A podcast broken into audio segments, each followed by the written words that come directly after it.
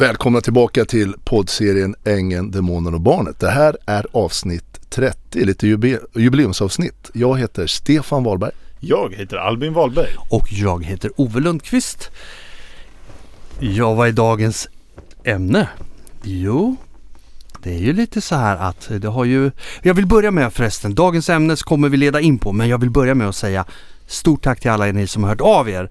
Därför att nu börjar det hagla in telefonsamtal och Det är en meddelanden. hel bunt som har hört av sig. Ja, det är massor och det är så, det är nu eh, har vi nog öppnat Pandoras box tror jag. Jättekul! Så fortsätt höra av er för att det kommer saker som vi inte hade en aning om och det finns saker som vi får bekräftat och hör att andra varit med om.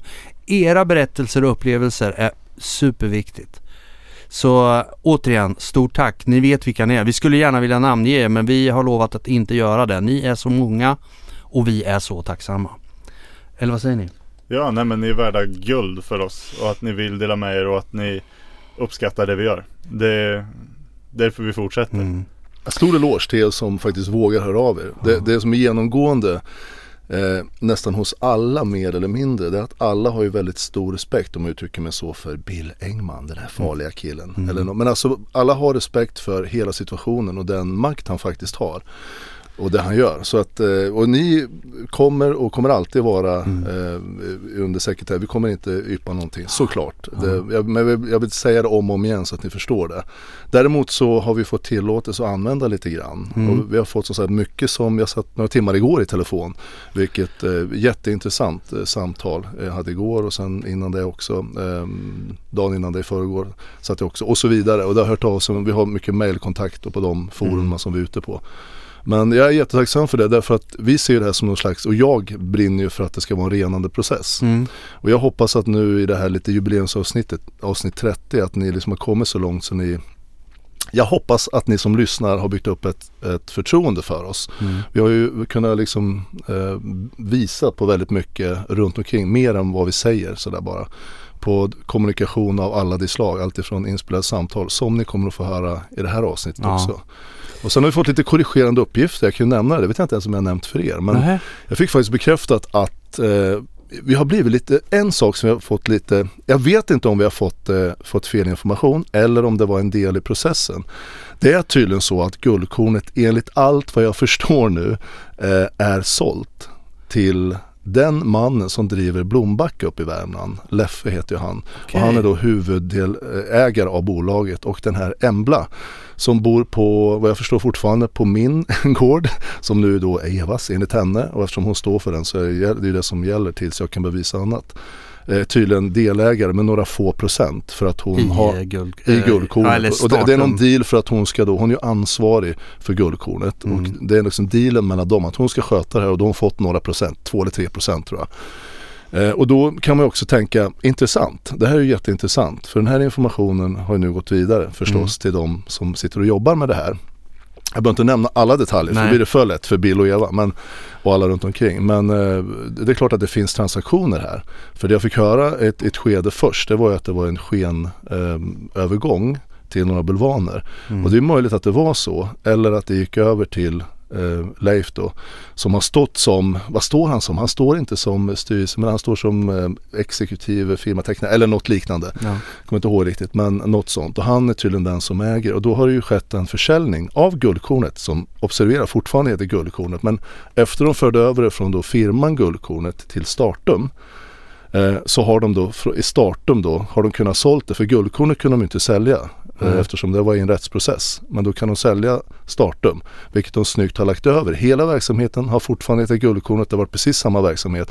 Alla de här eh, liksom faktan för sig nu vidare. Så det ligger under utredning. Mm. Så jag kan tänka mig att det är definitivt, och jag fick höra eh, igår eh, när jag förde det vidare. Det här är inte sista ordet sagt om den här affären. För det här är ju shady som heter duga.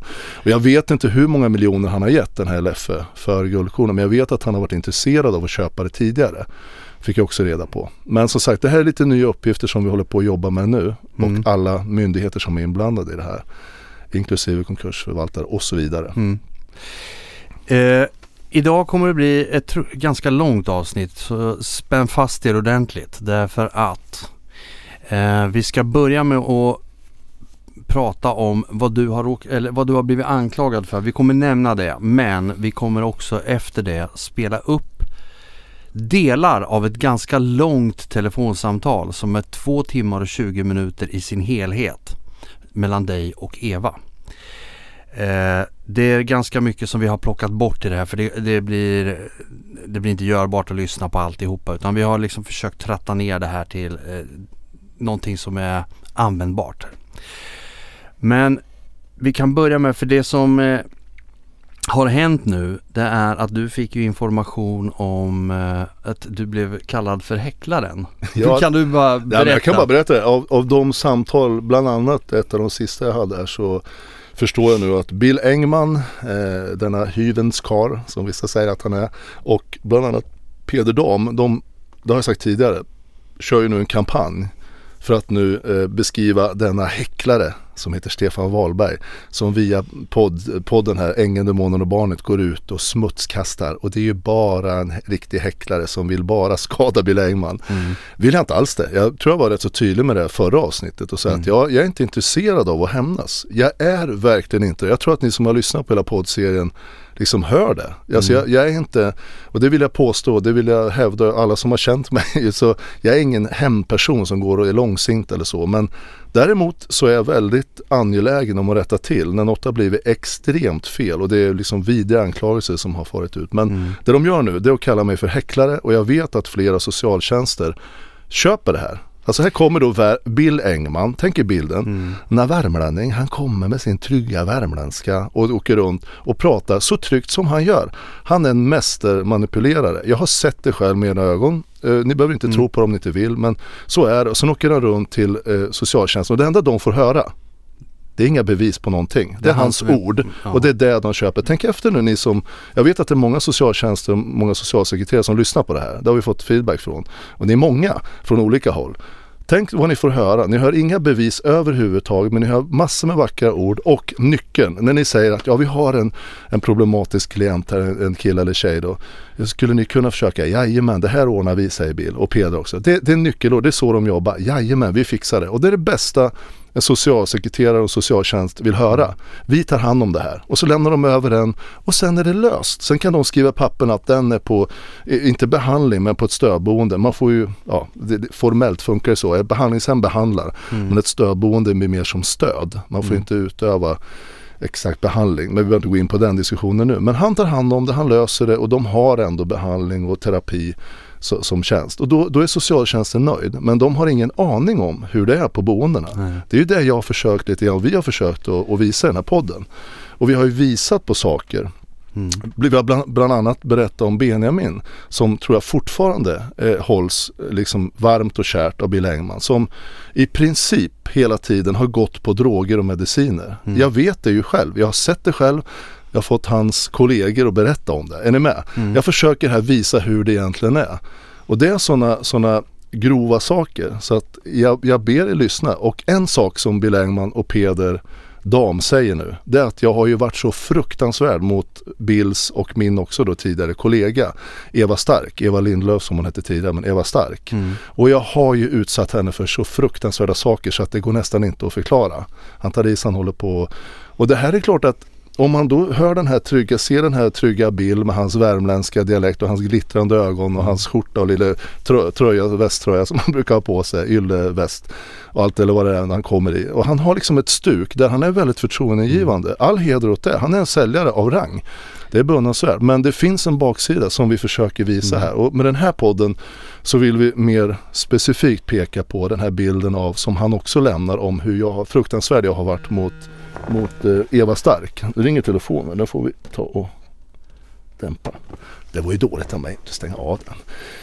Eh, men som sagt, det här, den här podden får vi visa det och ska vi, vi kommer börja med att sätta en liten grund på Mm. bland annat vad de har sagt i olika tillfällen. Ja. Eh, och sen så, så kan vi inleda i, i liksom eh, samtalet. Eh, vad, vad det är för samtal Ja. och när det kom till. ja. Nu ska jag bara stänga av min telefon ordentligt här så det blir lite lugn och ro här i podden. För vi har ju en diger samling med dokument här. just nu. Diverse förhör och Ja, vittnesmål. ja. Det lika. Så jag tänker att du kan ju börja och läsa upp de här en efter och så kan du ta när de är daterade också. Precis. Vi har ju Så- så vi vet några exempel här. Ja, och det, här, det är ju mer av anklagelser. Men Ja, nu är det jag som berättar och ni får ta det som det. Men den här podden nu ska vi försöka visa vad som sägs och vad som egentligen är fallet Mm. med det samtalet vi spelar upp sen. Då läser jag upp några så här som finns på, på dokumentation som ligger i och det här är från eh, det här är från Lindahls, alltså advokatbyrån med Karin Slevinska i spetsen som då har fört Eva Starks och Bill Engmans talan. Eh, Då säger här, då berättar de inför den rättegången som skulle vara här 21.02 är det här, det är alltså februari 21. Eh, Sen har det ju dragit iväg lite grann Mm. så det har varit ju 22 sen som ni känner till rättegången. Men eh, då säger de bland annat att Bill Engman så här ska, ja det står så här, förhör under sanningsförsäkran med Bill Engman. Bland annat ska han då intyga att Eva Lindlöf var oerhört rädd för Stefan Wahlberg. Att Eva Lindlöf ett tag hade livvaktsskydd för att hon var så rädd för Stefan Wahlberg. Sen sägs det vidare här. Eh, Lindahl, eh, samma, hävdar då inför rättegången här, det är också februari 21. Det är deras liksom nedskrivet att Eva har gett de här uppgifterna. Det står så här. Eva Lindlöf är rädd för Stefan Wahlberg och vill överhuvudtaget inte ha med honom att göra. Hon har sökt kontaktförbud sedan tidigare. Det pågår brottsutredning i vilket Eva är målsägande och Stefan misstänkt. Han har under hela tiden de känt varandra utsatt henne för bland annat psykiska påtryckningar och det finns inte något som talar för att han kommer att göra eh, att det inte kommer att göra det under förhöret. Hennes rädsla medför att hon vid tanken på att hon ska närvara i samma rum som honom helt vill avstå från förhör. Hon kommer emellertid avlägga förhöret men kommer inte kunna tala fritt och adekvat under kunna svara på frågor om han finns i samma rum. Mm. Ja, det är ord och inga visor. Och sen här har vi eh, Ska vi se här. Eh, det här är alltså eh, Här ska Bill vittna om också. Eh, om att Eva Stark, han, Bill ska alltså vittna här också, det är också februari 21. Eh, Eva Stark är oerhört rädd för honom och att hon ett tag hade livvaktsskydd. Eh, för att, hon rädd, för att hon var så rädd för honom samt att han dök upp i Karibien och i Kina i överrumplingssyfte men det får jag väl komma in och säga. Vi har ju sedan tidigare, ni som har lyssnat på hela, eh, varenda poddavsnitt, ni vet ju om det här att med Karibien, den resan den var ju bokad långt, långt innan och det, det hade ni ju, den har vi gått igenom så behöver vi inte prata så mycket om. Den var ju planerad. Ni höll er ju också dessutom borta från dem. Det var ju första Ja. kvällen, sen såg Ja. ni inte så mycket av dem sen. Nej. Det andra var ju i Hongkong. Det har vi Mm. också pratat om och även läst upp i eran kommunikation. Du flaggade ju faktiskt för Eva att jag kommer att åka. Så där var ju hon redan medveten om och dessutom Mm. så var det hon som tog kontakt på dig, på- med- dig på mässan och säger oj, det är en röst jag känner igen. Ja. Och, och jag som har varit på den mässan kan intyga att den här mässan är så ofattbart stor. Så oddsen överhuvudtaget att man stöter på varandra, den är enormt Ja. liten. Ja. Alltså det, det, det finns inga, jag har aldrig varit i en svensk, ni, ni som har varit på Elmia vet hur stort Elmia är. Mm. Eh, Elmia är ingenting i jämförelse med Kanton, mässhallen Mm. där. Men Det, det, det är sådana Alltså arealer, så det, det är helt stört vilken stor mässa det är. Nu måste herr rättighetsminister rätta. Det här var ju skönhetsmässan i Hongkong. Vi har ju varit på Kantomässan där jag och Eva också har varit flera gånger. Okej, Så, snacka så, men, men den skönhetsmässan i Hongkong är också jätte, jättestor. Det är tre eller fyra våningar. Aha, Fullt ja. med skönhetsprodukter och det är maskiner och det är, det är behandlingar. Det är helt galet, fullständigt galet. Men det, som sagt, som jag sagt tidigare, det började med att hon sa ja det är en röst jag känner igen, hör jag bakom. Sen började vi prata, vi gick Mm. runt på nästa, mässan i några timmar. Jag visade några behandlingar som jag hade gjort. Jag hade tagit sju olika behandlingar, jag var helt röd i ansiktet. Men, nej, men jag ville testa, så här. ska jag sälja någonting, vilket var tanken när jag var där, köpa maskiner och sälja. Så ville jag ju testa det själv. och jag kände mig jättefräsch i hyn. Det liksom var väldigt ja. funkar. Så hon tog några, så gick vi runt och köpte några medel som hon hade köpt. Och sen bestämde vi möte och åt senare på kvällen. Och hade rätt så väldigt trevligt faktiskt. Som sagt, det är det här hon återger då. Det är två jag liksom har, helt ja. olika saker. Men, men ändå som att jag har, skulle ha stalkat henne där Ja. är ju bara eh, väldigt märkligt. Och sen har vi en till här från, det här är 18.05, rätt så snabbt efter vi liksom har delat på. Så det här är då när jag har varit uppe på det som nu är Evas gård eftersom hon har tagit den som var våran gård Mm. som ni känner till. Där hon då har lagt in olika anmälningar om det är utpressning och det är för att jag har då försökt få ut min del. Mm. Så hon anklagar mig för utpressning. Och sen även så har, slängde hon in en liten eh, sån här an, anmälan om våldtäkt. Våldtäkterna då ska ha skett mellan 2010 01 01, det här finns ju pappret, eh, och sen mellan 2017 12 31. Det är alltså, det är väl sju hela år här ska jag Ja. ha våldtagit henne. Och då står det lite mer specifikt också. Ehm, brotten. Mellan åren 2010, det här har Eva uppgett då och anmält. Mellan åren 2010 och 2017 har Stefan utsatt Eva för ett stort antal våldtäkter genom att ha sex med henne mot hennes vilja. Ehm, och sen så lägger hon till också här. Stefan har för övrigt förföljt henne vid flera tillfällen genom åren. Hon har varit väldigt rädd för honom ibland. Och sen har vi väl en, Eh, den där anmälan, när var den ja, förresten? den var ju eh, 18.05. Ja. Maj 18 alltså. Man kan ju säga att vi, det vart ju riktigt efter den Ja. Kari- andra Karibienresan som var precis eh, januari 18 där. Mm. Så det är inte så långt efter. Nej. Men här var jag uppe och hämtade lite grejer på gården. Eh, ingen tanke med det. Men då kom hela sjoket in Ja. här. Det är bäst att lägga på extra när man ändå. Misstänkte att eh, de här anmälningarna om olika sakerna kan ha varit en liten regissör som heter Bill Engman. Men det ska jag låta vara osagt. Men... Sen har vi här sam, samma, för jag var uppe vid gården några gånger och hämtade grejer som var mina. Mm. Som jag hade på gården eftersom jag hade ju även saker själv som var mina privata. Men då har de alltså, då har jag bett dem efter den då så här, varje gång jag var uppe så anmälde Eva mig för olaga intrång eller inbrott. Eh, då har jag sagt att fråga Daniel Elkvist, för här litar jag ju på honom fortfarande Mm. 100% som ni känner till. Ja. Nu i dagens läge så får man ju anledning kanske att tänka om lite grann. Men då har jag bett dem förhöra Daniel Elkvist och i då förhör, det här är alltså 1908, eh, drygt ett år senare. Så säger Daniel på frågan, han får ju flera frågor här om, om firman och allt möjligt. Men då säger han, vad har Eva och Stefan Wahlberg för relation till varandra? Då svarar Daniel, eh, Eva och Stefan hade en affär ihop för åtta år sedan. Eva var då otrogen mot mig. Eva berättade detta först för Daniel under 2018. Efter det har Stefan utnyttjat Eva sexuellt under flera år. Till slut ledsnade Eva på det och hon började fråga, eh, säga ifrån och det var då det började spåra ur. Stefan började bråka med henne och bli aggressiv och hotfull. Dels kunde han ringa och skälla på henne samt skicka meddelanden och så vidare. Så då ska vi säga kontentan av allt det här nu då. Det är ju att du har ju blivit då anklagad för att egentligen ha våldtagit henne från dag ett. Från eh, januari 2010 och framåt. Mm. Eh, och, Och, det här är sen- bara några, det står ja, på flera Och ställen sen också. så att du då ska vara ja, olämplig mot henne generellt. Mm. Eh, nu är det så här att eh, det här telefonsamtalet, vi kommer lyssna igenom det. Vi kommer stanna lite grann och kommentera på några ställen. Mm. Men det här som jag sa tidigare, vi har plockat ut då ifrån det här jättelånga samtalet. Här sitter ni och pratar, för bara för att sätta vad är det för samtal. Eh, jag ska börja med att säga, vilket, när var det här? Du kan få säga själv. Det här är 13 januari, eller 13 och 16 januari 2016. Det är precis när Eva har kommit hem ifrån den första Karibienkryssningen. Ja. När jag har upptäckt mejlen att Ja. hon har varit otrogen med en som heter Doug. Jag kommer inte ihåg efternamn nu men jag har det på papper. Ja. Det spelar ingen roll, oväsentligt. Från USA. Hon har alltså haft en affär med en amerikan som, och de mejlade eftersom jag hade mejlen uppe som ni kommer ihåg. Vi satt och väntade på besked från Migrationsverket Mm. att få starta vårt eh, flyktingboende. Då. Och då eh, har hon kommit hem, vi har haft ett snack eh, sådär och försökt att hitta varandra. Och vi, jag är sådär, jag var totalt paff när jag såg det här. Så att jag, man hör att jag är fortfarande väldigt sökande sådär i sin, hur jag ska se på det själv. Ska det bli slut? Ska vi fortsätta? Eller vad är det som händer här? Och det hör man lite grann också. Mm. Vi har ju en sak till att säga om det här. Det är ju att här är du fortfarande omed, omedveten om att du spelar in telefonsamtal. För det Ja. är innan du har fått det här meddelandet om att det är fullt i telefonen. Precis. Så du vet inte om att det spelar in.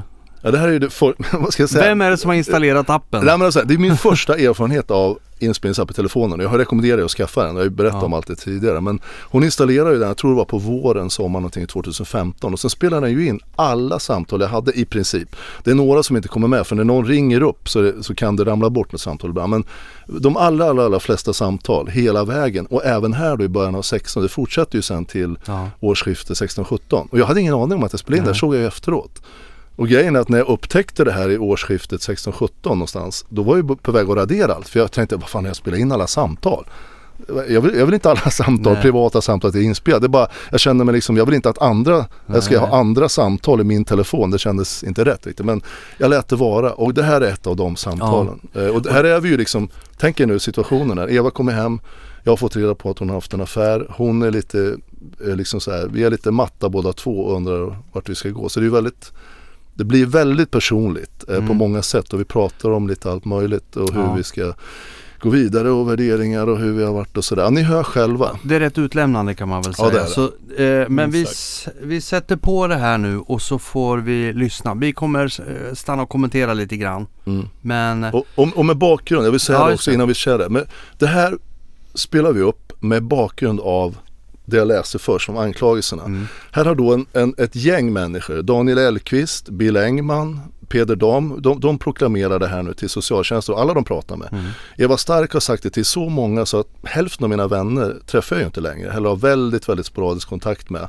Därför att jag märker på dem hur de har blivit helt annorlunda. All Mm. den goodwill jag har byggt upp har i många fall försvunnit. Mm. Tack vare att jag är anklagad för något sånt här vidrigt som har våldfört mig på en kvinna. Och det är därför jag väljer faktiskt, även fast det är väldigt personligt Ja. både för mig och för Eva, så väljer jag att spela upp det här Mm. ändå. Är ni med? ha det i åtanke då att det är en misstänkt våldtäktsman Ja. som pratar Som med har våldtagit som, en kvinna sedan 2010 i många år Ja. tidigare här. som pratar med sitt offer i, i telefon. Det är väl så man ska kunna Ja, säga. precis. Ja. Då kommer det Då kommer det nu. Hallå? Hej! Vi hann inte säga hej då riktigt. Det vart lite snöpligt när de kom. Ja. Ja, Nej, vi får, eh, vi får eh, ta saker som de kommer i livet. Eller hur? Vi får liksom inte göra värre eller, eller än vad det är. Det är som det är. Eller hur? Ja. Jag brukar tänka det värsta scenariot. Det är ingen som har kommit och kapat benen på oss i alla fall. Vi lever ju fortfarande. Eller hur? Vi får försöka att låta det sjunka in och så får vi... Så får du meddela hur du tycker och tänker och hur du vill gå vidare och sådär. Tycker jag. Vi gör så. Så får vi fundera igenom båda två lite vart, vart det ska ta vägen. Jag vet inte vad jag ska säga, men det kändes bara som jag ville avsluta på ett annat sätt än det som när de kommer. Även fast det är väldigt roligt att mina barn kommer. De tycker om det också. Jo. Jag tror inte de skulle tycka om mig på det sättet. Att de inte tycker om mig på det sättet. Nej. Ja, jag vet inte varför du säger så. Det är inte så jävla intressant kanske just nu. Men det skulle de visst det. I en, någon slags scenario där man tänker sig det. De skulle nog vara asstolta över dig som eh, styvmamma eller vad fan man ska kalla det. Det blir ju som kompis. Men de skulle nog tycka det var bäst att tänka på det. Men som helst skulle jag vilja att jag träffade någon gammal bestämd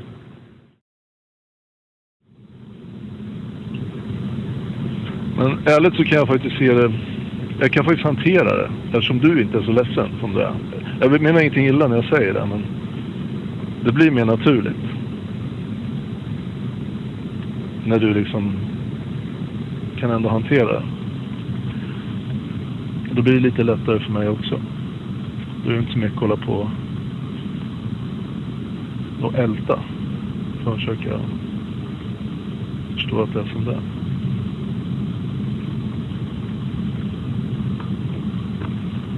Jag förstår inte riktigt vad du menar. om man, om man är väldigt rädd om någonting till exempel. Om det hade varit tvärtom och jag hade träffat någon på en semester så, och det hade blivit motsvarande situation och du hade fått reda på det och jag hade försökt undanhålla det eller så, inte sagt något. Då hade jag nog blivit så orolig och bestört liksom. Att jag bara skulle vara så livrädd att du skulle tappa förtroendet för mig. Och att jag skulle vara ledsen över det. Alternativet är att jag träffar någon som, som är så viktig för mig så att det blir ju så mycket fokus. Då blir ju, då behöver man ju inte bli så ledsen. Man kan ju förstå att man har sårat någon. Det tror jag att det gör. Så att, man, att jag är ledsen. Men du har någonting annat som upptar din hjärna kanske. Så. Och då blir det väl mer naturligt. Då blir det en mer sak man får ta ställning till. Då är det inte bara ett misstag utan då är det något som säkert hade hänt förr eller senare i alla fall. Förstår du skillnaden? Om jag var den finaste personen du någonsin har träffat och du vill inte för allt i världen så kapa din egen fot för att såra mig så skulle du bli bestört egentligen. Du tycker. inte jag är där? Alltså, Du tycker inte jag är där? det kanske är, men jag vet inte. Men det... Jag vill att du ska känna dig speciell, för det är du för mig. Eh, Det kommer du fortfarande vara, även fast det blir... Ja. Kanske annan typ av förhållande, eller vad man ska kalla det. Jag kan måna om det i alla fall. Det kanske är vägen så att du kan få lycka i liv. Vad sa du? Det kanske är vägen så att du kan få plats för olycka i ditt liv. Ja, man vet aldrig. Man vet vad som kommer imorgon. En del jobbiga val som man inte kan rå för. Jag kan inte hjälpa vad du väljer i ditt liv. Kan ju på sikt kanske vara bra, inte fan vet jag. Även fast man inte kan se det just nu.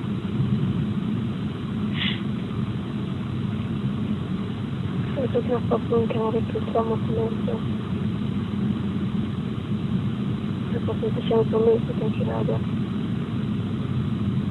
Alltså, de, de där tankarna kommer bara, kommer bara att leda dig till mörkare och mörkare ställen och mer och mer dåliga val. Du har haft en i ditt liv, mig, som skulle kunna gjort precis vad som helst för att få leva, för att få leva tillsammans med dig. Så det? Du hade kunnat. Ja, men jag kan ju inte tvinga mig på någon som inte vill ha mig.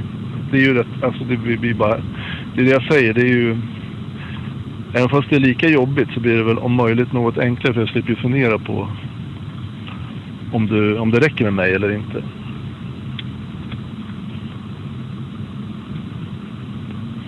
Då har vi väl fått något tecken på att det inte gör det. Och då blir det väl med ett jobbigt faktum man måste ta ställning till. Jag slipper ju vela i alla fall. Jag vill inte, vara, jag vill inte låta taskig. Det är svårt att säga en sån sak på ett annat sätt. Men Jag tyckte du klargjorde det inför redan för en vecka sedan. Det är lugnt. Jag har redan gått igenom så. ja, okej. Men då har du uttryckt igen vad du tycker och tänker. Trots att jag förklarar mig flera gånger så funkar inte det. Du har inte lust längre att förstå eller du har inte lust att bara vara lojal mot mig. Ju väldigt, du gör det ju väldigt enkelt. Alltså själva beslutet. Och nu har redan tagit beslutet. Så. Ja, just nu måste jag ju fundera på fortsättningen av mitt liv när det gäller den biten i alla fall. Som jag sagt förut, man kan inte tvinga sig på någon. Jag har väl sagt hundratals gånger till dig tror jag, hur gärna jag vill leva med dig. Vart som helst i världen.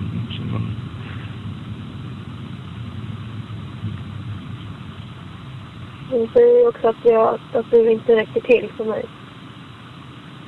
Och att vi inte kommer kunna leva tillsammans för att det är så stor åldersskillnad. ja, men det har jag förklarat. Du måste ju ta in allt jag säger. Jag kan inte bara ta vissa delar. Jag säger det för att, eller jag har sagt det för att jag, jag månar väldigt mycket om dig. Jag vill, jag vill väl klargöra faktum så att vi båda förstår det väldigt tydligt. Så att du har, om du hade funderat på det så måste du tänka på att det är åldersskillnad. Alltså, fram till dags dato så har jag inte velat haft någon annan. Det har inte funnits någon på tapeten. Alltså, jag var på väg att säga det förut, men det jag skulle ha sagt innan du åkte, det var att... Jag vet inte om jag sa det förut när vi pratade, men alltså alla jag har levt med tidigare. Och det känns... Det är precis det här draget som jag känner igen i dig. Alltså jag har alltid varit på väg någonstans. Jag har liksom aldrig känt att här, nu är jag nöjd i livet. Nu, nu vill jag leva här med den här personen. Inge, nu liksom är jag nöjd.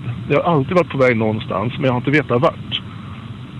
Jag har alltid liksom skulle ha gjort allt. Jag åker iväg och spelar musik, jag åker iväg och åker motorcykel, åker iväg på äventyr, jag ska luffa ner i Europa, jag ska resa. Jag har alltid haft någon slags eh, orolig ådra i mig som har bara känt som att en nyfikenhet. Som jag, måste, jag är på väg, vart ska jag nu? Jag ska tjäna massa pengar, jag ska åka till USA. Alltså hela tiden ska det hända saker. Men för första gången tillsammans med någon person, alltså på första, första gången, på, på, alltså glasklart, så har jag känt med en person att Alltså nu vet jag vem jag vill göra det med. Det kan vara vad som helst med den här personen.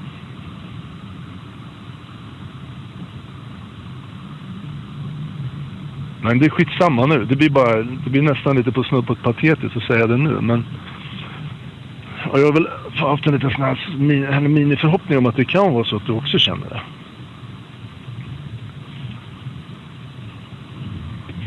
Men då går man ju inte liksom och... Det är ju så. Då går man ju inte och bara funderar på flytta till Washington. Så. Hej hopp. Det, det är något som fattas. Inte vet jag, det är ålder, det kanske inte är. Det kanske är bara personligheten eller annat, att du vill ha spänning. Eller också så är du som jag, att du bara, du, du vill, det ska hända saker hela tiden. Och du vet inte vart du är på väg, men du vet att du måste iväg någonstans. Jag vet inte vad det är, jag kan ju bara spekulera. Men. För mig har det varit så nu, när jag tänker tillbaka nu, så är hela tiden så här, vad ska jag liksom, vart ska jag nu? Eh, vad ska jag göra nästa? Vart ska jag resa nästa gång? Det ska hela tiden vara äventyr. Jag var hemma tillräckligt länge, ett halvår, och bara, nej, nu måste jag ta en resa. Det är väl så man är.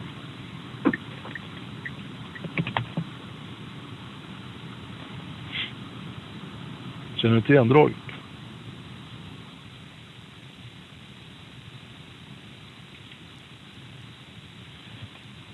Har du lagt på?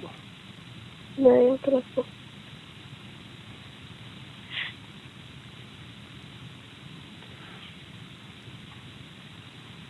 Är man en sån person, då blir det, det blir ju, då är man ju öppen för liksom allt möjligt så i livet. Man har nog lättare att ge sig in i både projekt och olika personer man träffar.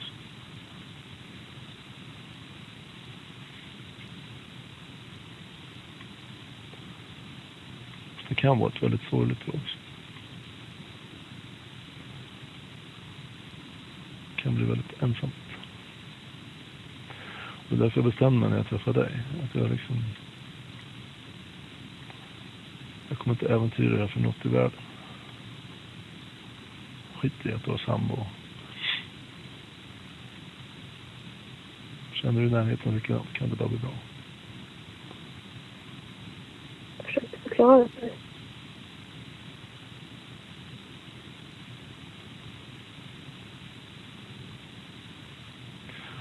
Vi får, får försöka ge det lite tid att fundera på det.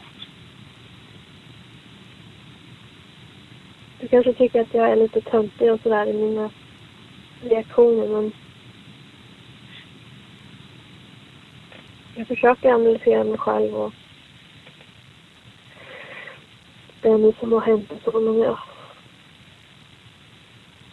tror om jag inte får din bekräftelse då kommer jag söka den från annat håll, förr eller senare. Mm, det är det som kanske skiljer oss. Det är det jag liksom har försökt att, inte fiskat, men jag har försökt att fråga dig för att se hur du tänker. Alltså du, du behöver bekräftelse från någon.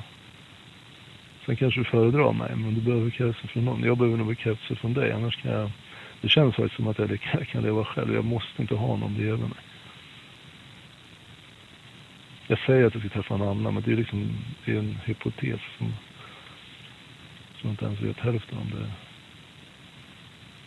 Men jag tror faktiskt att du, du är yngre, du är mer, på det, på det sättet, inte för att vi ska prata om det här med ålder igen, men man kanske är mer öppen när man är yngre, du har inga barn än och sådär.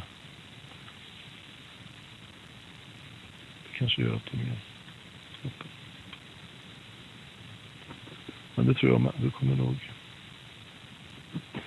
Jag tror väl att det kan vara vet inte det som hände, om det var en, en liten följdreaktion på det som hände innan. Jag vet det, när jag pratade med dig där Mm. så vart jag så pass ledsen så att jag började gråta. Även fast kanske inte det har någon större betydelse, men jag... För mig har det betydelse. Jo, det har visst, det har ju, klart det har jättestor betydelse. Det är klart att det har. Det har jättestor betydelse.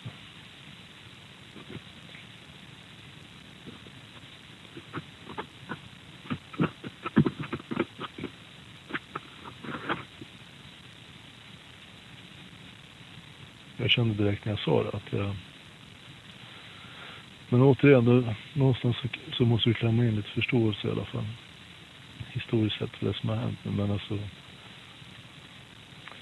det är den person, den enda person som man bryr sig om på det sättet säger att du längtar efter mig som du hade längtat efter någon förut. Alltså det, det är ju så, det är så skönt att höra och jag blir så glad när du säger det. Och samtidigt måste jag liksom bara, hur ska jag få till det här? Alltså, jag vill ju bara säga, jag med, jag bara väntar till du kommer hem till mig. Fast du kommer inte hem till mig riktigt, du kommer hem till... Alltså det blir så mycket tankar med det, blir svårt att sortera ut det och riktigt glädjas som jag, som jag borde och som jag egentligen gör. När jag får sådana lite sådär tankarna krockar med mina känslor eh, eller för en liten stund, då kan jag, då kan jag säga något sånt där som att dra upp åldern eller Vi kommer ju prata i framtiden så du kan väl tänka på det så att du inte hakar upp dig på något jag säger sådär. Fråga vad jag menar. Menar du verkligen det där? Och så kan jag få förklara mig och ta in allt jag säger. Men jag förstår att du är väldigt känslig för, för ord. Jag förstår det. Det är kanske inte hårda ord, men obekräftande ord. Framförallt när man lämnar ut sig lite grann då knyter jag åt lite grann. Alltså helt ärligt så om jag ska få tänka tillbaka så här. Så, jag har liksom aldrig känt ett behov av bekräftelse under, under de här åren vi har kamperat ihop.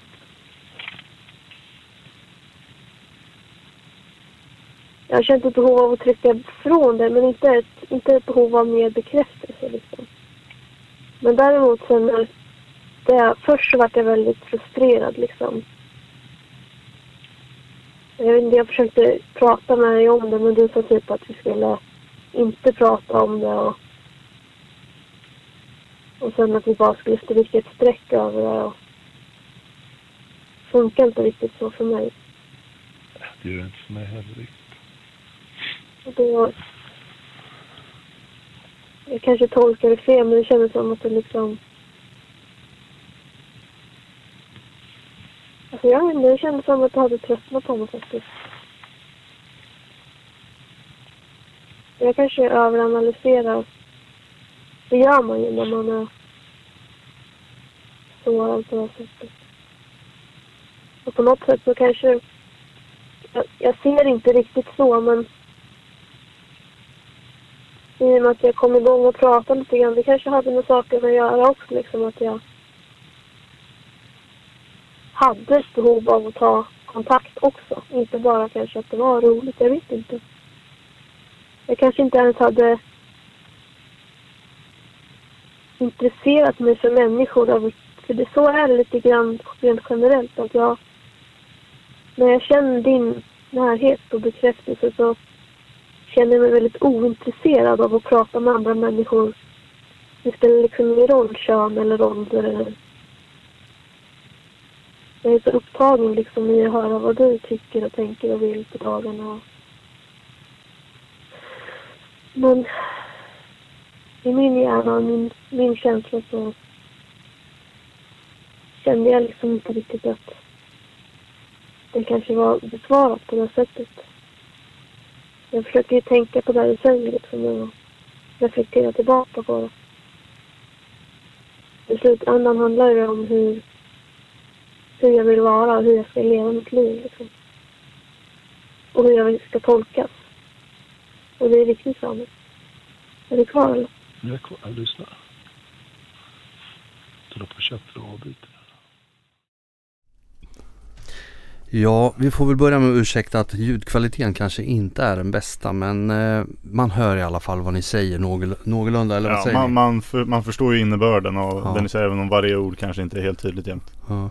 Det var ju några grejer som vi reagerade på eller som vi kommenterade under tiden vi lyssnade på det här. Ja. Eh, och det ena är ju, jag frågar eh, Washington. Ja, precis. Du kanske kan ta det, Ja, det. Washington, det var bara en grej som vi nämnde och det var hon så ärlig och berättade. Jag tror det var dagen innan det här samtalet så hade vi, pratade vi och då berättade hon att den här Doug som hon träffade hade föreslagit att om hans dröm det var att bosätta sig i Washington och han ville liksom, vi, vi skulle bosätta oss i Washington, alltså de två. Mm. Och så hade de berättat att han hade sagt det och undrade lite om han menar allvar eller inte. Hon var, försökte vara ärlig på, på nivå i alla fall efter Mm. att berätta för mig. Det var ju schysst så långt. Det var därför Washington kom in. Ja, just det. Och sen hör ni ju själva lite grann, vi pratar ju, det är ju liksom två personer som har det lite jobbigt. Ja. Alltså, eh, det har kommit fram att Eva träffar henne, hon har haft en affär och det här är efter liksom dyningarna av det och vi försöker att klura hur fan vi ska gå vidare i det Alla här. som har varit i förhållande som har tagit slut vet ju att mot Ja. slutet så ja, men, Det kan ju låta något i den här stilen. Ja. Man, man vet inte riktigt vart det ska ta Nej. vägen. Det funkar inget vidare. Man hör ju rätt tydligt att det är ett par som har ett förhållande när ni pratar. Det, Mm. det är ju uppenbart. Jag, jag hör liksom ingen våldtäktsman och ingen, inget offer. Utan det är två personer som har saker att reda ut bara. Mm. Hur gör vi? Eh, och sen så, just det. Så vi pratade om samtalet här och så kan jag Ja. lägga in det här samtalet som skedde en vecka tidigare. Vi, Eva och hennes familj var i USA 14 dagar. Varav sista veckan skulle de åka på Karibienkryssning och då var de i Miami först första veckan. Och sen det här samtalet som då jag och Eva har, hon ringer ifrån USA om det var på WhatsApp eller vad jag kommer inte ihåg.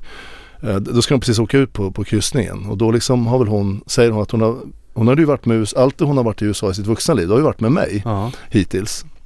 Hon hade varit med Daniel en kort sväng också. Men annars eh, massor med resor har hon och jag gjort i Mm. USA.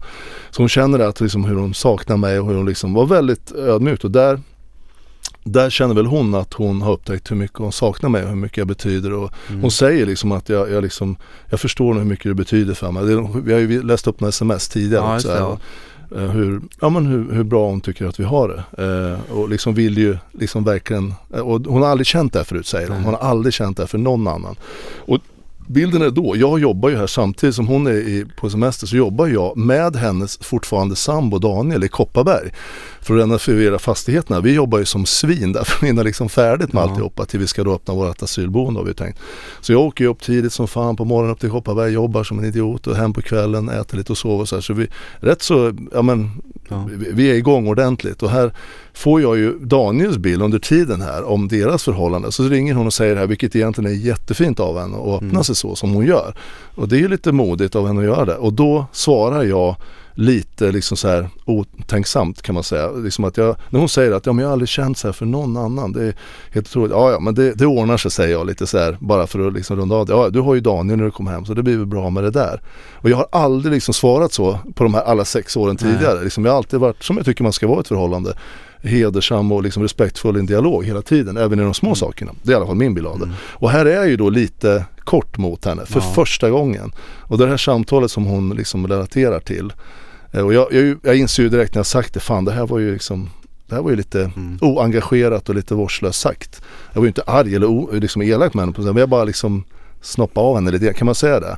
För i min hjärna då så har jag ju hört dagarna när Daniel berättar om dem och deras Mm. planer och sen så kärleksförklarar hon sig, vilket hon verkligen gjorde i samtalet. Och då kan inte jag riktigt ta det utan Fast jag någonstans ska jag väl tänka så här att situationen blir att har man ett förhållande med henne och hon liksom inte lämnar Daniel så känner man liksom ja men du har ju ändå Daniel. Alltså den finns ju där den, Ja, den tanken. Så att jag kan förstå på ett sätt att du säger så men jag kan ju hålla med om att det är ju ytterst klumpigt. ja precis. Det är vad Så det är det Det är jätteklumpigt och det är liksom, eh, jag har ju alltid jag menar, jag upplever att vi hade ett väldigt, Mm. tills det här hände så hade vi ett superfint förhållande. Mm. På alla sätt man kan tänka sig. Och jag kan väl förstå henne att hon får den här känslan att jaha nu kanske inte han vill ha mig Ja, längre. precis. det kanske var den hon fick. Och det försöker hon förklara lite grann Ja. att hon behöver någon Mm. bekräftelse kanske om hon inte får min och sådär. Och det är väl liksom, Mm. det är väl rätt rimligt liksom. Ja. Sen just det, sen inledde ni med att prata om det här med det här med styvmor.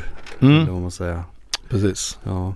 Och lite pra- har vi pratat om tidigare såklart. Vi har haft ett förhållande, även fast det var hemligt, i som sagt i sex år. Det är klart vi har pratat om en, hur det skulle se ut. Som jag berättade om, vi köpte ju gården och vi planerar ju att bosätta oss där och sådär. Hur skulle det ut? det vi, skulle bygga ut den ja. bara för att det skulle ha plats för mina barn. ja. Och om vi nu skulle skaffa några egna, det var väl inte liksom, det visste vi inte riktigt. Men Nej. det har hon ju sagt några gånger att skulle hon vilja skaffa barn med någon så var det med. Så vi hade, men fram till det här hände så hade vi, enligt mitt sätt att se på alla sätt jag kan, ett väldigt fint förhållande. Mm. Och jag tror att ni hör det också ni som ja, jag hoppas det. eh, lyssnar. Ni kommer ju mer här får ni se. Ja, jag tänker... jag, jag tänker bara så här flika in en grej på det här med att du sa tänk på att du har Daniel. Eh, är ju att eh, jag vet inte utifrån sett så kan ju det vara bland de ur ett sätt att se på det sundaste grejen du har sagt efter att du har haft ett förhållande med henne i sex år och hon fortfarande inte har gjort slut med sin sambo som hon sa att, eh, att du efter sex år skulle börja känna att ja, vill du verkligen det här så pass mycket som du säger? Eh, Ja, Det var väl den, det, det var den liksom utan att Det kan vara ett sundhetstecken En- från din sida. Ja, men någonstans en impulstanke, att Mm. man tänker så. Efter sex år så bor du fortfarande med Daniel, det är klart att det tänker. Men sen att jag sa det som jag gjorde var ju lite Mm. klumpigt. Ja, Det var Kunde väl ha gjort snyggare kanske. Absolut. Och, och jag hade ju, när, när någon öppnar sig så fint som hon faktiskt gjorde i Mm. det samtalet. Det är klart, då tar man emot det på ett annat sätt. Och egentligen vart jag ju väldigt glad. Jag vet inte om jag sa det för att jag skulle, hon skulle säga, nej men Daniel betyder ingenting, det är ju det jag vill ha." Jag vet Ja. inte. Jo, men det, ja, det, det ja, var bara ja. något som slank Ja. ur mig liksom där. Är du med? Ja. Men vad bra, då gör vi så här att vi fortsätter lyssna för det är ju lite mer att höra. Det kommer ju fram mer saker så att vi kör en stund till och så stannar vi och kommenterar lite till. Så gör vi. Låter det löjligt? Nej, jag tycker de är två personer. Just nu känner jag mig så inte som att jag är värd det.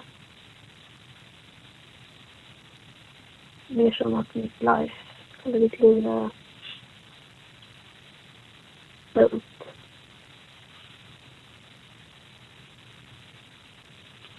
Man är väl alltid värd det. Träffa någon, men Fast helt ärligt, alltså med allt jag har gjort.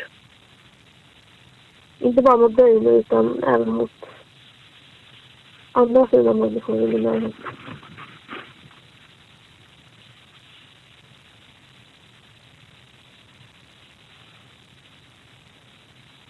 Fast jag vet att jag märker att du har ju dåligt samvete. Det är ju ett sundhetstecken. Alltså det är ju det är ju en tur. Det är bra att du har det. Men när det ramlar över dig så kan du ju inte... För det blir ju inget bra. Alltså dåligt samvete ska ju vara... Man ska ju lära sig försöka klura ut hur man ska göra. Ibland kan det vara jävligt svårt. Alltså vi har väl haft svårt båda två. Men man kan säga efter sex och ett halvt år att det, det är väl ingen idiotmisstag fling som båda av oss har gjort och vi ångrar oss över allt annat på hela jorden. Jag ångrar ingenting jag har gjort mot dig, men jag känner mig bara... Alltså, summa summarum, och så kanske inte, kanske inte det som jag...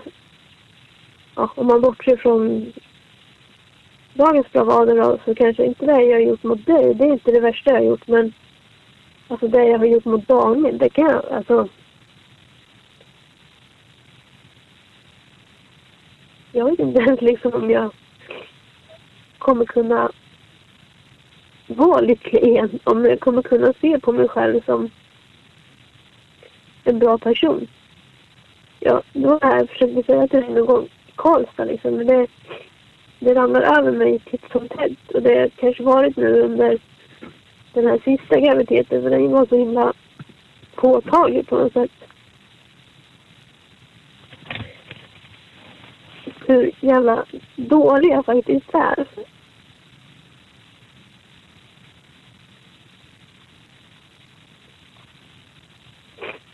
Och jag känner mig liksom inte... Jag känner mig inte värd någonting. Alltså, jag vill inte ens...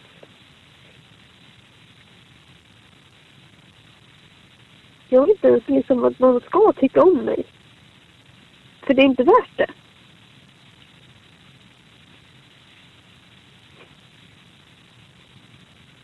Jag är liksom bara hemsk. Så, alltså,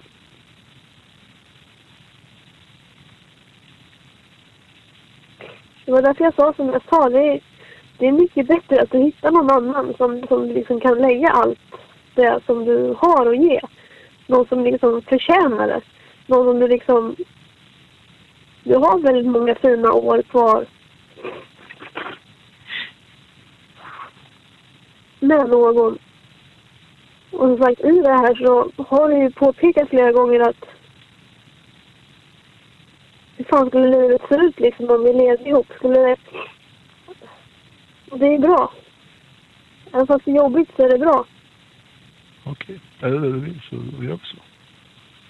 Jag tror att jag, jag tror att jag älskar dig för mycket för att jag vill att du ska vara runt mig.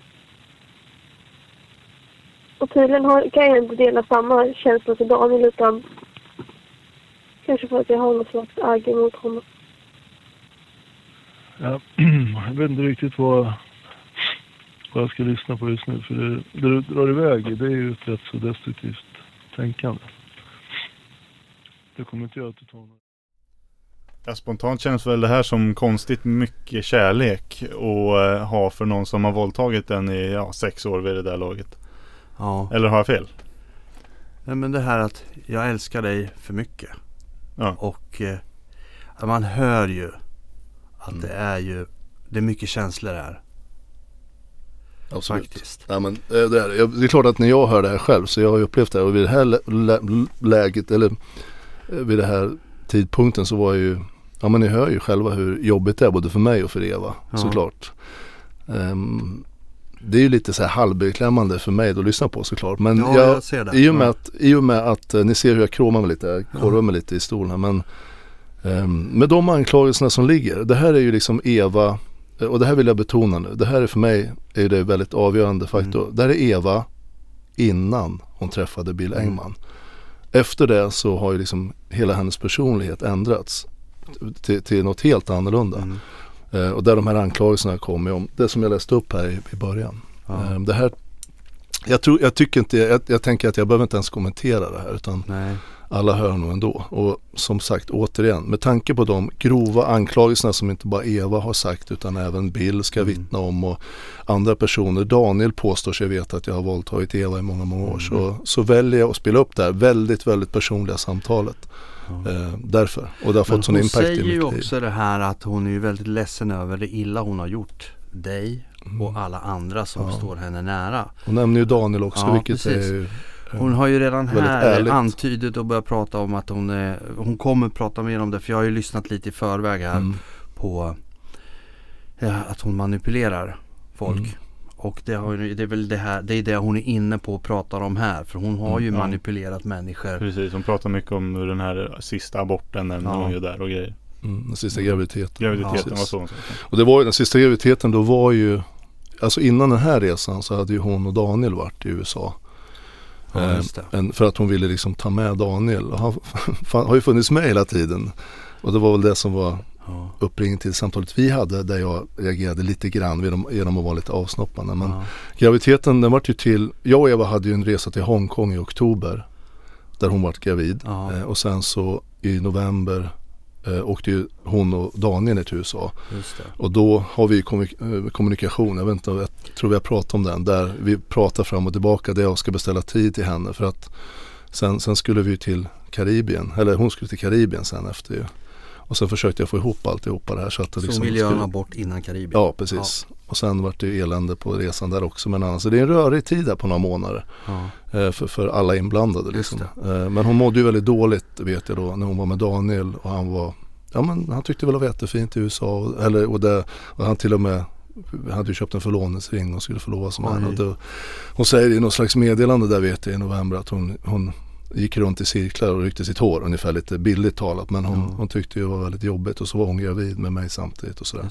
Så det här är ju det här är jätte, jättepersonligt och tro mig, jag har funderat en och två och 73 gånger och, och liksom spela upp det här. Men med tanke på de grova anklagelserna, anklagelserna som då Eva själv har lagt under flera gånger här och påhejad av Bill Engman. Jag har ju sagt det tidigare, Bill Engman det är en pestsmittare eh, och det står jag verkligen för. Mm. För de här, de här liksom, allt det som har hänt efter hon träffade Bill och varit nära honom. Det, jag såg inte en tendens av det. Eh, fram till det här samtalet och den här resan som var när hon var nere i USA så har, hade det bara varit väldigt, väldigt bra. Hon var väldigt lojal och jättefin som partner. Men någonting hände när hon träffade Bill och som jag ser andra hur de förändras när de träffar Bill. Eh, och som sagt, ja. Nej, men som sagt, i övrigt så, så tycker jag inte man behöver kommentera samtalet så mycket. Mer än att jag, jag tycker själv att det är sådär, jag funderar själv på om vi ska sända det. Men som sagt på grund av Ja. omständigheterna så, Ja. så gör vi det. Ska vi köra vidare? Vi kör vidare och lyssnar på flera grejer. Kommer här. Det känns som att du måste vara så hård. För att komma. Det känns som att du måste tänka på någonting annat. Menar du att jag är hård mot dig eller? Eller? Ja. Absolut inte. Inte en chans i universum. Alltså jag tänker så jag nästan blir orolig att jag liksom aldrig ska, om det nu skulle bli så att du inte vill kampera med mig något mer, att jag skulle kunna tända på någon annan överhuvudtaget. Jag tänker inte på någon annan. Tycker du att jag är för hård eller? ibland. Okej.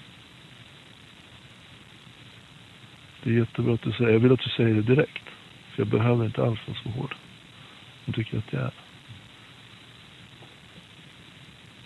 Jag tror, anledningen till att jag tror att jag kan vara det, det är för att du har sagt liksom nu, nu har du kommit och då, då kan du liksom köra på, så har du ju sagt ibland. Ja, men det har blivit lite mer och mer. Det är jättebra att du säger. Alltså du kan säga det. Det blir konstigt. Du skulle kunna sagt eller kan säga det när vi har det. Alltså. Säg bara. Var lite försiktig. Alltså. Alltså jag kan, jag kan tända på allting som är skönt för dig. Tänk på det.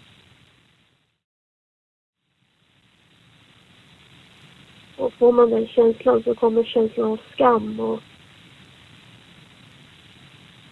otillräcklighet också.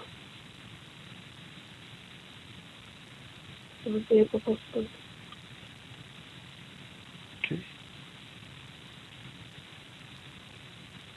Det kanske är där vi har känt av. För att jag, jag både... Alltså jag, jag trånar så efter din bekräftelse men är det någonting som, som kan få mig att känna mig väldigt liten så är det ju när jag kanske inte får bekräftelsen utan får den andra biten istället. Jag lyssna absolut vad du säger. Det, det kan jag förstå vad du säger också. Jag kan, jag kan kontra mig som att eh, jag är inte så, är inte så jättemedveten sådär. Eh, hur fan ska jag förklara det här på något jävla sätt? Jag, jag ser det kanske mer, på sistone har det varit väldigt mycket jobb. Och då kanske vi inte liksom hinner vara det bland folk och sådär. Jag kan inte visa hur mycket jag tycker om det. Jag vill ju gå och hålla dig i handen jämt. Om jag, om jag kan. Men det kan jag ju inte här. Så har vi inte varit utomlands på länge. Ja, vi var nere i Hongkong och sådär men. Det, det är väl bort. Så jag tycker också liksom på senaste tiden när vi har varit utomlands, jag tror att Taxi säger någon gång också att när du väl har chansen så känns det som att, att du inte tar den heller riktigt utan det känns mer som att jag får jaga dig liksom. Fan vad störda vi är du och jag. Vet, vet alltså jag, jag, kan, jag kan direkt koppla till några situationer. Och det är att jag vill liksom inte, jag vill inte hänga på dig.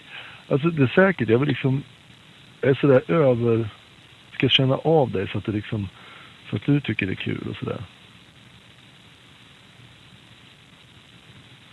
En sak är ju väldigt säker, vi behöver ju väldigt mycket bekräftelse båda två. Och vi är lite känsliga när det gäller det också. Så. Jag är mjuk mot, jag vill ju vara, alltså jag, jag går igång på när du mår bra. Jag går inte igång på att ha sju på ett visst sätt eller jag går igång på att göra, göra det tillsammans med dig och se att du mår bra. Ja, det är ju väldigt inti- intimt det där. Eh, Man hör ju då att ni, har- ni har ju haft ett sexliv och på lika villkor kan man väl säga. Eller på bådas Det har funnits samtycke. samtycke. Ja, ja det kan man väl lugnt akter. säga. Ehm, Jag tänkte säga att kommentarer kanske är överflödiga och det här blir ju väldigt personligt. Om jag kramade mig lite i stolen här innan så kanske jag gjorde det lite ännu mer här. Mm. Men alltså det är normalt det här privat och normalt så finns det ju ingen som någonsin har med det här att göra mer än Nej. två personer som är tillsammans. Punkt. mm, Men som jag sagt tidigare, på grund av de allvarliga anklagelserna som bland annat Eva och Bill och Mm. ja, de andra runt omkring vill hävda eh, nu till alla så, så väljer jag att göra. Och det här är jätteintimt men jag tror inte någon tvivlar på vilket typ av förhållande vi har haft. När, Och när man här- pratar i termerna att eh, du under många år ska ha våldfört dig på henne Alternativt att ni hade någon liten grej i början där hon var med men sen inte ville mer Det, det känns ju ganska orimligt när hon våren 16 här sitter och säger sådana här saker. Mm. Nu lämnar vi åt lyssnarna till att bedöma men jag tror ingen, Nej. eh, jag tror alla har Ja. samma åsikt efter att ha hört det Precis. här. Så Ehm, tänker jag ju naturligtvis på ehm, det här att du skulle ha varit eh, psykiska ö- ö- övergrepp. Eller vad var det? Det var, alltså du har Ja, ju, men Daniel påstår ju att jag är någon slags eh, både psykiskt eller vad det stod här. i- Jag kommer inte ihåg exakt. Ja. Men det har jag ju läst upp det tidigare. Jo men om man lyssnar på det, det alltså du resonerar ju väldigt sakligt eller ni gör väl det Ja. båda två. Det är, det är ju en lugn, normal ton. Det är ju ingen som höjer rösten eller någonting Nej. sånt där. Utan Nej men alltså jag, jag, det, här, det här är ett samtal som vi hade ibland som man har i, när man har ett förhållande som är av väldigt, väldigt privat karaktär liksom. Ehm, och allt, allt vad det innebär. Nu när vi ändå har spelat upp det här så får man väl, jag vet, inte, jag vet inte om jag behöver kommentera det men det är klart att vi som i alla förhållanden hade pratat om hur vi är när vi inte, in, liksom är intima och sådär. Och jag, jag, nu, har ju, nu har jag ju visat upp samtalet så jag kan bara säga lite bakgrunden. Jag var väldigt, väldigt eh, försiktig om jag uttrycker mig nu så. Det är därför jag säger sju istället för sex. Därför att jag liksom försöker, jag tycker om att uttrycka mig gentlemannamässigt sådär lite generellt. Men, så att det här blir ju väldigt utlämnande såklart för både mig och Eva. Men som sagt, återigen, det finns en anledning till det. Men eh, när, det- att jag skulle vara lite hårt och intensivt här på slutet. Och det är faktiskt Eva själv som påpekar att jag var så försiktig de första åren. Mm. Du är så försiktig och vid något tillfälle sa hon faktiskt till och med att jag vid lite hårdare ett tag, eller tuffare ett tag så sa hon. Mm. Och det, det är väldigt privat också men så var det i alla fall. Ja. Och man anpassar sig efter varandra och Ja. nu blir det så här. Och det, kan man, det är ingen konstig dialog mellan Nej. ett par. Och sen, ja, och sen att jag inte tog chansen när vi var utomlands som att jag skulle försöka vara ett par ännu mer. Det tyckte jag att vi var väldigt bra. Men Ja. Eva kanske ville då ännu mer, jag vet inte. Men, och, och sen, eh, ja. Ja vi vet i alla fall nu med säkerhet att det är ju inte som det står i de där papperna i alla fall. Ja, jag skulle vara intresserad av att höra om någon annan tolkar det här på något Mm. annat sätt. Det finns liksom inget alternativ. Så be om ursäkt att vi snörvlar och snorar lite både jag och Eva här. Det är ju lite ledsamt om vartannat och liksom sådär. Hör jag Mm. både, både Eva och jag. Men det blir lite tårar från båda håll. Men Ja. så är det. Vi gör så här att vi fortsätter lyssna. Det är lite mer vi ska lyssna på och sen så gör vi en slutkommentering på det här. Och, och avrundar sen. Mm. Då kommer det mer här. Ibland när jag säger att du, du är så speciell för mig, det känns som du är en blandning av att du inte tror mig och du nästan inte vill att jag ska säga det. Av någon anledning. Jag förtjänar inte. Det är klart du gör. Annars förtjänar du någon som älskar. Nej, Jag tror faktiskt inte det. Alltså du får inte måla in världen i vitt och svart. Jag tar inte bort något som vi har gjort som, är, som inte skulle vara fel. En del saker är fel som man gör men ingen är ju liksom du har ju själv pratat om, vad gör Daniel? Han sitter och kollar på en live-tjej som sitter och strippar för honom till exempel. Och jag är inte säker på allt han har gjort heller så. Men alltså, nu ska jag inte urskulda något men jag bara försöker luckra upp begreppen lite grann så att det inte blir bara svart eller vitt. Jag är värdelös liksom. Men man har inte medvetet manipulerat mig för ekonomis skull och egen vinnings skull. Vad fan ska man säga? Det, alltså, han- ja, men du, du tänker på om det skulle bli slut mellan er? Alltså han kommer ju bli, om, om du har tjänat pengar på det här så kommer du få kompensera honom i alla fall. Ni är ju sambos på något vänster. Eller ekonomin tror jag du kan, det är väl mer andra värden som är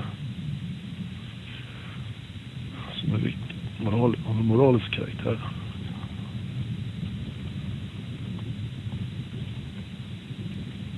Jag menar när det väl kommer till kritan så alltså ingen kan ju säga att man vet vad som kommer hända imorgon liksom, eller om ett år eller om fem år eller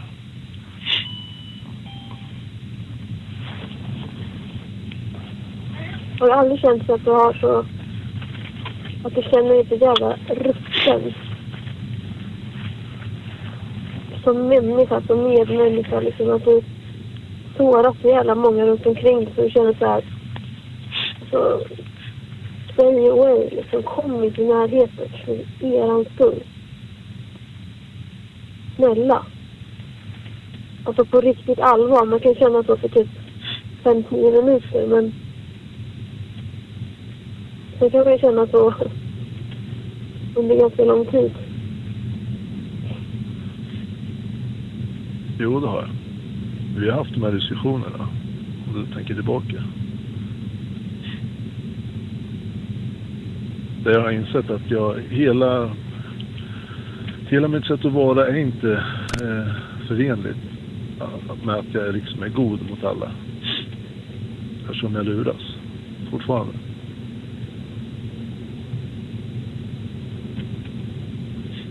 Det är ju de tillfällen jag har liksom stött bort det lite grann. Vi pratar om det. Jag har försökt, eller rättare sagt, stöta bort det. Har ju sagt det rakt ut till det också. Om du kommer ihåg det. Jag har sagt, titta, titta vad allt jag gör, vad det slutar med liksom.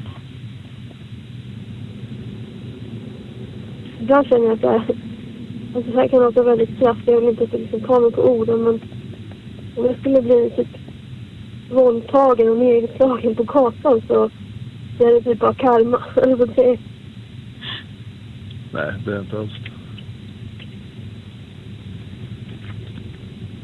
det. det jag känner. Det är därför du låter främmande män leda till hotellrummet. Går ut själv på kvällarna. På båten.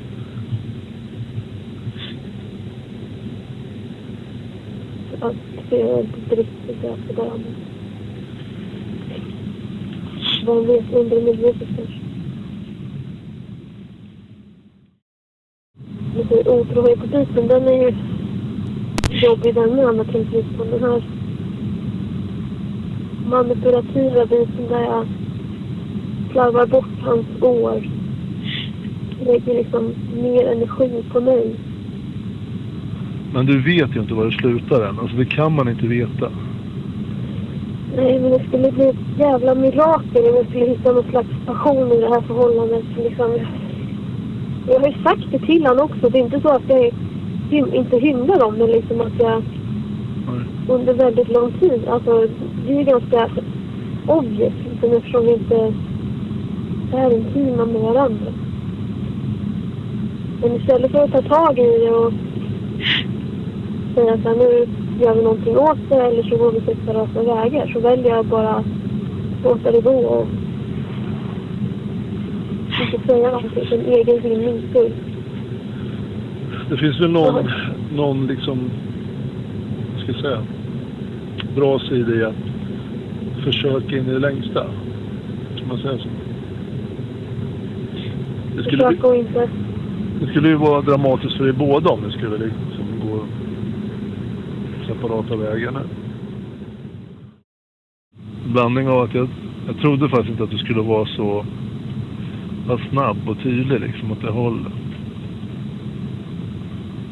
Alltså en naturlig oro kan man ju ha för varandra så. Men sen vart jag påmind också hur jävla rutten jag har varit själv när jag varit yngre liksom. Den här nyfikenheten liksom gör att man blir lite korkad. Och riskerar att förstöra kanske det finaste man har. Liksom. Och ändå så gör man. Då är man ju skadad på något jävla vänster.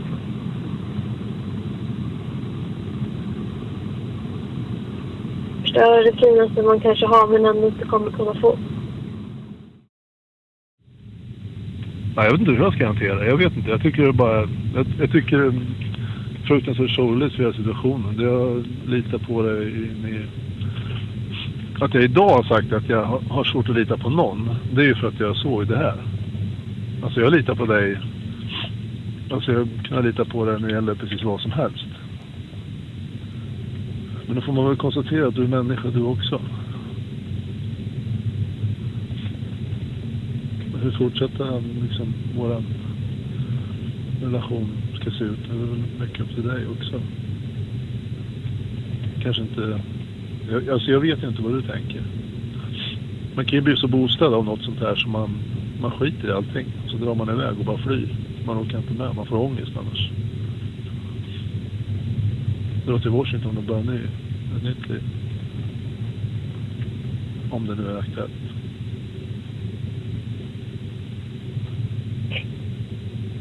Jag har inte en aning. Jag vet inte ens vad jag har att ta ställning till längre. Jag, innan jag såg det där så var jag rätt så säker på att vi skulle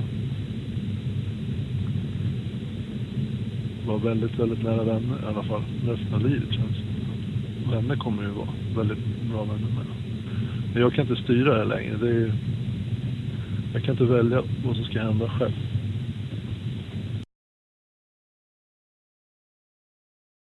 kring Eva har bara lyft lite på ögonen och tittat framåt åt andra håll.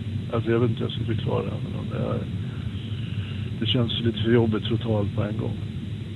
Alltså du, du har varit så länge, även fast det är konstigt kanske. Min, eh, min älskling liksom. Jag har känt att du har varit min också. Jag har trott att du skulle kunna vara trevlig mot folk, men inte att du skulle uppmana kontakt på det sättet. Så jag får nog kämpa själv ett tag, försöka se hur vi kan, hur jag kan. Kanske kommer jag som du, säga att du ska fly iväg till någon annan. Får se hur oddsen är för det. Jag kan inte ens tänka så långt. känns som hela livssituationen har ruskats om lite grann. Se vad som kommer ut.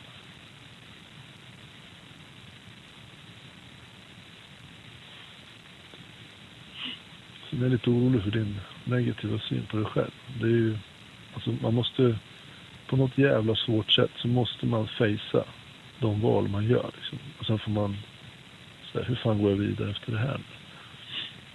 Vad är viktigt och vad vill jag? Sen får man försöka hejda de här impulserna om man inte vill det. Så vissa människor är inte funtade för nära relationer. De är funtade för att vandra runt lite grann. Men man kopplar inte bara bort känslor, tjofräs, tjohej. Jag skulle vilja att du låg bredvid mig så jag kunde somna med dig på armen. Tror du du avskydde mig? Det vet du att jag inte gör. Jag kan inte avsky dig.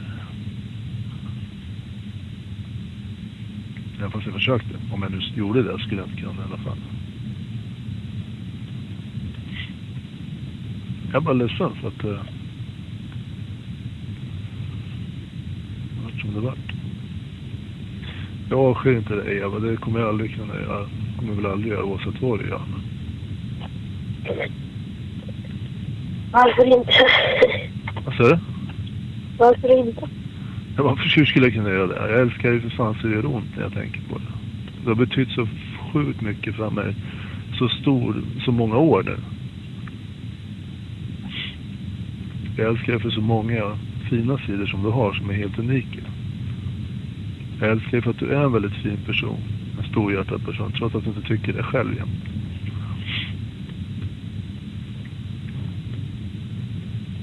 Och det måste du faktiskt ta till dig. Jag känner mig nästan egoistisk och stolt när jag får så mycket tid med det. Har det varit någon annan som har gjort det så har jag inte brytt speciellt mycket alls. Men lik förbannat, det blir så så... Det blir så, så börjar jag fundera på om du verkligen vill ligga på min hand.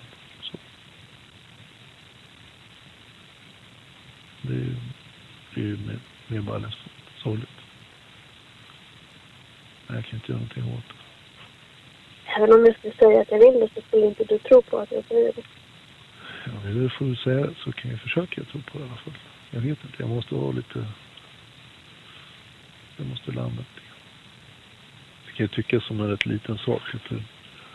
det, är inte, det är inte som att du har gått och varit otrogen i ett halvår eller så. Men jag är faktiskt glad att jag såg det någonstans. Jag tror kanske att du också är det lite grann. Jo. Alltså... Jo, men det... Nu får du i alla fall en chans att på lite mer allvarligare sätt ta ställning till vad du vill göra. Kunna ruscha på rätt så snabbt utan att man tänker på vad man gör. Liksom. Ska jag, ska jag hålla avstånd till dig? Eller? Nej.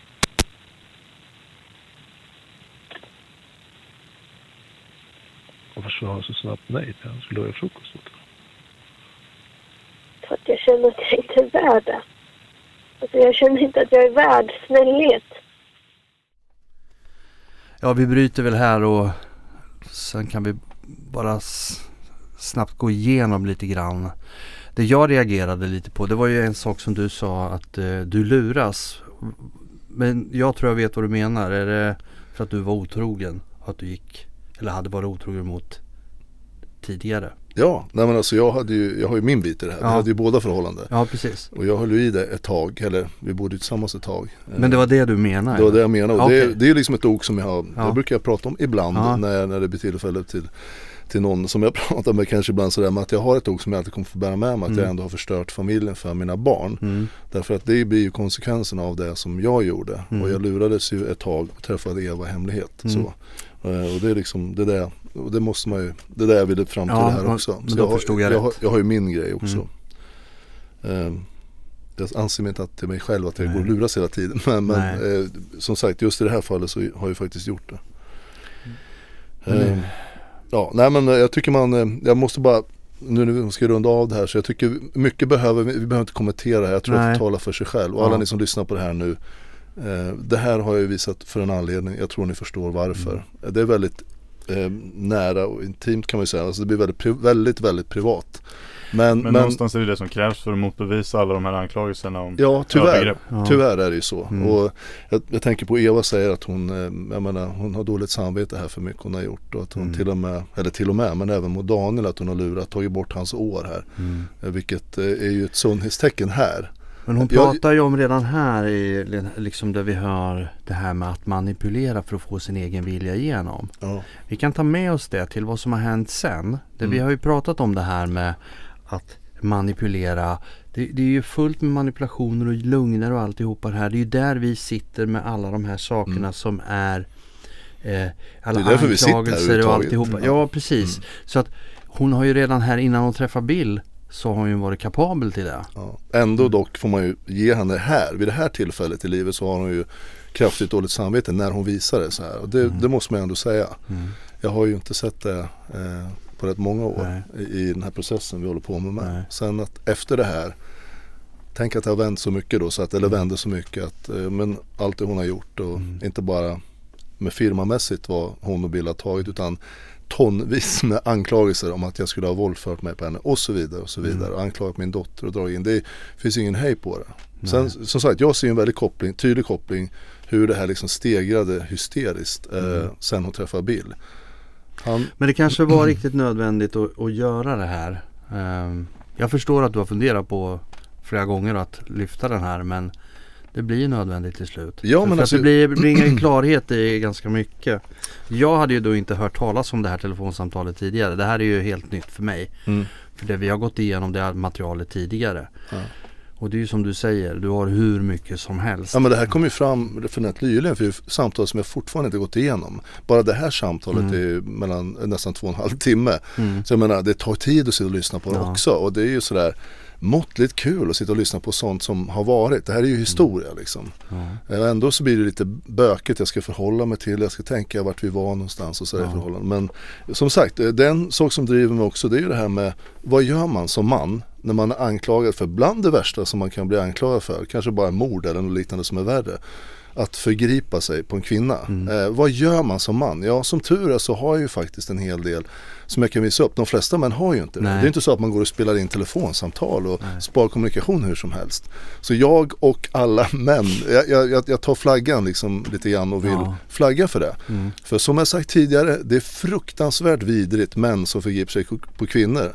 Men jag skulle vilja påstå att, eh, även fast kanske inte alla tycker det, så är det fan med nästan lika vidrigt när kvinnor utnyttjar det här och Mm. anklagar falskt. För det är Ja. inte bara det att de männen som blir falskt anklagade, utan kvinnorna som gör det här förstör ju för de kvinnorna som verkligen blir utsatta. Mm. Och det, det berör mig jävligt mycket om Ja. man tänker till om det här. Så därför så ser jag, det här är faktiskt nödvändigt. Mm. Eh, och återigen, det här kommer inte hända. Men återigen så lämnar jag min hand öppen till både Bill och Eva. Mm. Vill någon höra av sig? Jag kan ta en förklaring och ett förlåt. Jag kan faktiskt göra det. Jag vill visa på något sätt på mitt bättre. För jag, bara, jag, jag vill se mig som sån. Och jag är inte långsint. Men det här kommer inte hända. Nej. Ingen kommer höra av sig. De har sina pengar och de är nöjda där de är, tror jag tyvärr. Mm. Men, men folk som hör det här förstår ju att den här historien som de har dikt, diktat upp och kört i rätten och spridit ut bland folk och som nu Bill och Peder, bland annat Bill Engman sprider till socialtjänster och sådär. Den stämmer ju inte. Nej. Alltså det kan ju vilken vettig människa som helst höra här. Och ni inom socialtjänsten, nu får ni ju liksom någonting annat att förhålla er till. Ja, när det Ja. gäller det här Mm. som Bill pratar om. Hur Jag säger väl så fruktansvärt här, ni får höra det från hästens mun för det är ju precis vad det är det här. Ja, Eh, vad Bill då har gjort, det är ju en kraftigt altererad sanning. Kan man ju säga. Ja. Mm. och jag har slutat att vädja till dem runt omkring Bill. Malena till exempel, som någonstans så påstår att hon vädjar om, till, till, eller månar om människor och så här. Vem som helst hör ju att det här inte stämmer som de har påstått. Men ingen kommer göra någonting. Nej. För alla är nöjda där de sitter med den ekonomin och så vidare. Mm. Så är det.